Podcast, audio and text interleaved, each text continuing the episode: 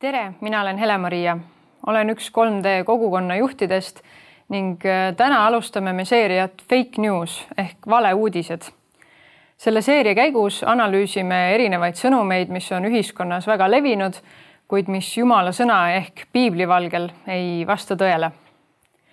mis puutub valeuudistesse, siis äh, kui ma õppisin ülikoolis ajakirjandust, õpetati mulle kolme printsiipi, mida väga harva rakendatakse kahjuks kuid äh, millest oleks palju abi, et tõde välja selgitada.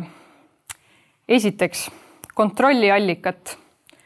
väga palju infot tänapäeval on lihtsalt äh, anonüümselt kuskil internetis äh, ringlemas, kellegi tuttava tuttav rääkis, uuringud väidavad, aga keegi ei täpsusta, mis uuringud ja kes uuris.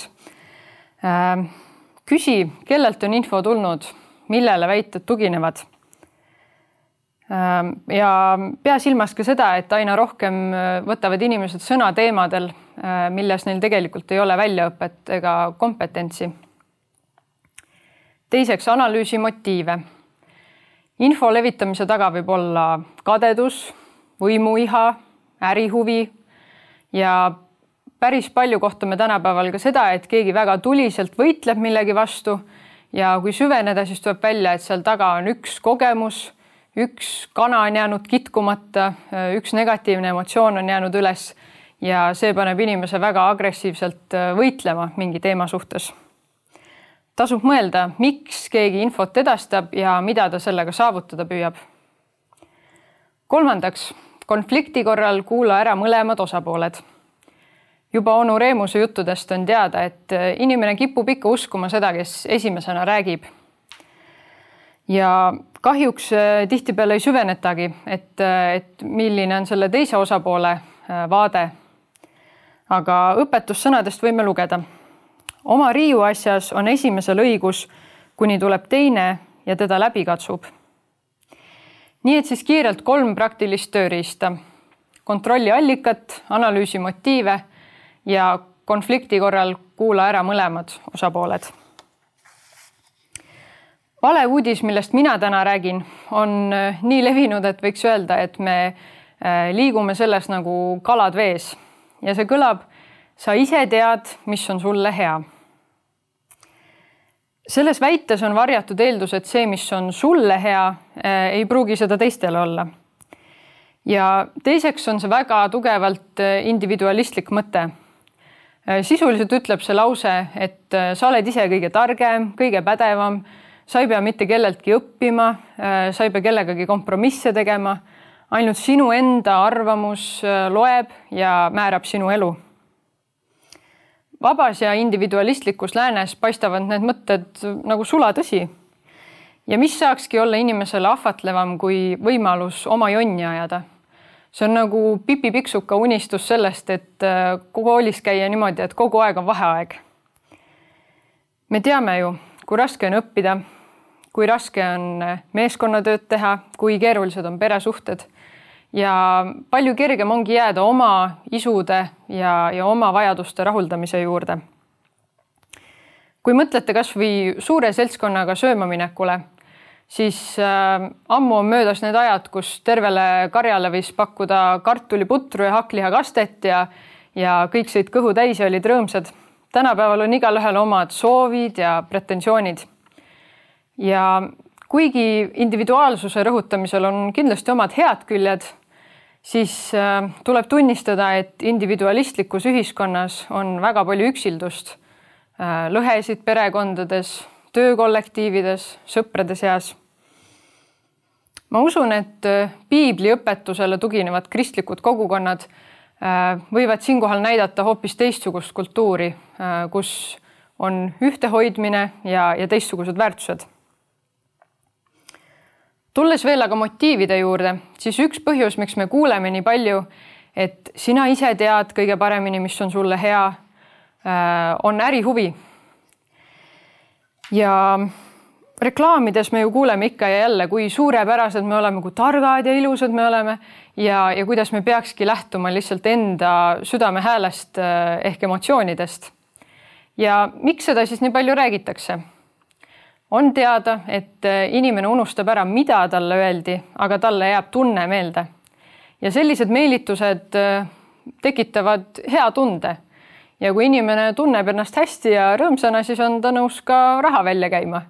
ja sellepärast võibki väga palju reklaami ja turundussõnumeid sisuliselt kokku võtta niimoodi, et ära raiska aega filosofeerimisega, mis on õige ja vale. lihtsalt tunneta Äh, mis on sinu jaoks parim ja usu, et just meie pakutav äh, loob sulle selle kõige parema tunde. selle müüdilõksu läksid inimesed muidugi ammu enne reklaamitööstust.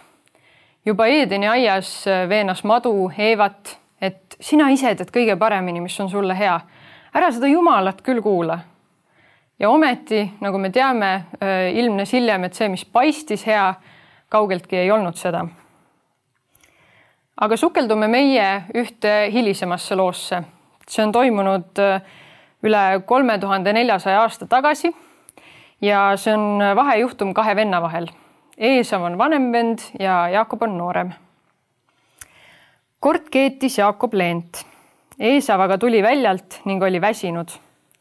ja Eesav ütles Jaakobile, anna mulle ometi süüa seda punast, seda punast leent, sest ma olen väsinud sellepärast hakati teda kutsuma Edomiks. aga Jaakob ütles, enne müü mulle oma esmasünniõigus. ja Eesav vastas, vaata, mina ju suren niikuinii, milleks mulle siis veel esmasünniõigus? siis ütles Jaakob, vannu mulle enne. ja ta vandus temale ning müüs oma esmasünniõiguse Jaakobile. ja Jaakob andis Eesavile leiba ja läätseleent ja tema sõi ja jõi, tõusis üles ja läks ära nii vähe hoolis Eesav esmasünniõigusest. tänases kahekümne esimese sajandi läänes tundub see lugu täitsa okei okay., võib isegi tekkida küsimus, et mis siin üldse erilist oli, äh, sest meie kultuuriruumis esmasünniõigus ei, ei ole midagi olulist. ja äkki Eesav oli ka lihtsalt oma ajast ees ja, ja teadis, et kõhutäis on, on palju parem toonases Lähis-Idas, äh, kus see lugu toimus, tähendas esmasünniõigus kahekordset pärandust ja perepea rolli. sellega kaasnes ka vaimulik vastutus ning Jaakobi ja Eesovi suguvõsa puhul oli väga märgiline see, et Jumal oli tõotanud, et just selle suguvõsa esmasündinute liini pidi tuleb ühel hetkel Messias ehk Jeesus. Eesavile nähtavasti paistis see kõik sama tühine nagu igale teisele sekulariseerunud äh, lääne inimesele täna. tema mõtles ainult oma elule ja sellele, mida tal on vaja, äh, sellele, mis talle paistis hea. tema jaoks oli nauding kõige kõrgem ja olulisem väärtus. saates Piibel kaanest kaaneni kommenteerib Rannamõisa koguduse pastor Aare Kimmel seda nii.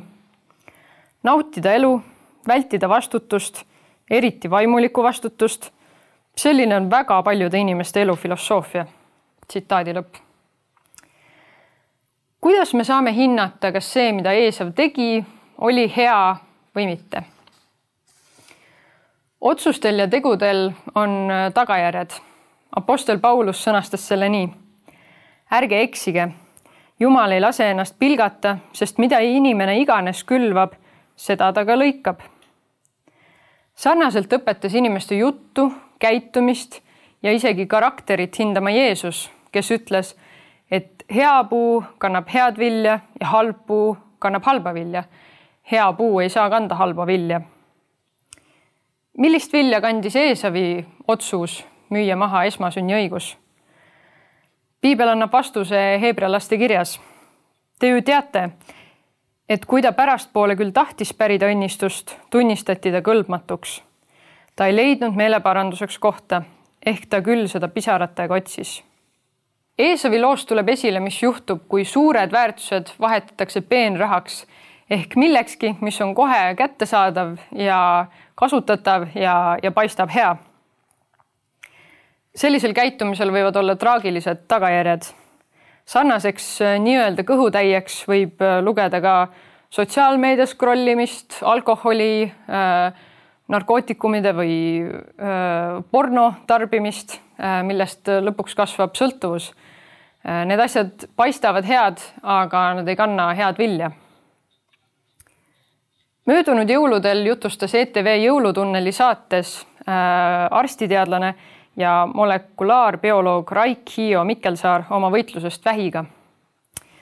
ravile vaatamata jäi mees halvatuna ja voodihaigeks ning äh, ühel hetkel palus ta oma molekulaarbioloogist abikaasat, et äh, tema annaks äh, ravimi üledoosi, et mees võiks lihtsalt valudeta siit ilmast lahkuda. tema abikaasa jäi aga printsiibile kindlaks, et inimene ei tohiks sellist vastutust enda peale võtta ja ei teinud seda. ja juhtus hoopis niimoodi, et aegamisi nägid nemad ja nende lähedased, kuidas mehe tervis pöördus.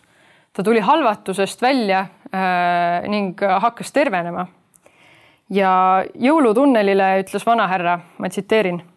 olen nagu surnuist tõusnud mees, kelle rõõmus meeleolu ja tegutsemishuvi on taastunud. tsitaadi lõpp. nii Eesovi kui Raik Hiio lugu annavad edasi sama moraali me ei näe oma elu suurt pilti. me võime olla mingis hetkes väga kindlad, et me teame, mis on meile hea, aga tagantjärgi me kahetseme seda otsust. tõenäoliselt on sinulgi olnud olukordi, kus sa oled kindel, et sa tead, mis on hea, aga nüüd aastaid hiljem, kui sa mõtled selle olukorra peale, sa saad aru, et tegelikult see ei olnud parim lahendus. seegi kinnitab, et sageli me ei tea, mis on hea selle asemel võiks ehk öelda, et tõsi on, et me teame, mis on meile mugav. Äh, me võiksime väga kergesti leida toidupoest üles oma lemmikasjad, isegi kaheaastased oskavad seda teha. me leiame meediast üles need artiklid, kus juba kinnitatakse seda, mida me nagunii arvame. Äh, me oskame elada oma elu mugavalt. aga see ei tähenda alati head ükskõik, kas räägime tervislikust toitumisest, toimivatest peresuhetest või heast mm, vaimulikust tervisest ja kasvust.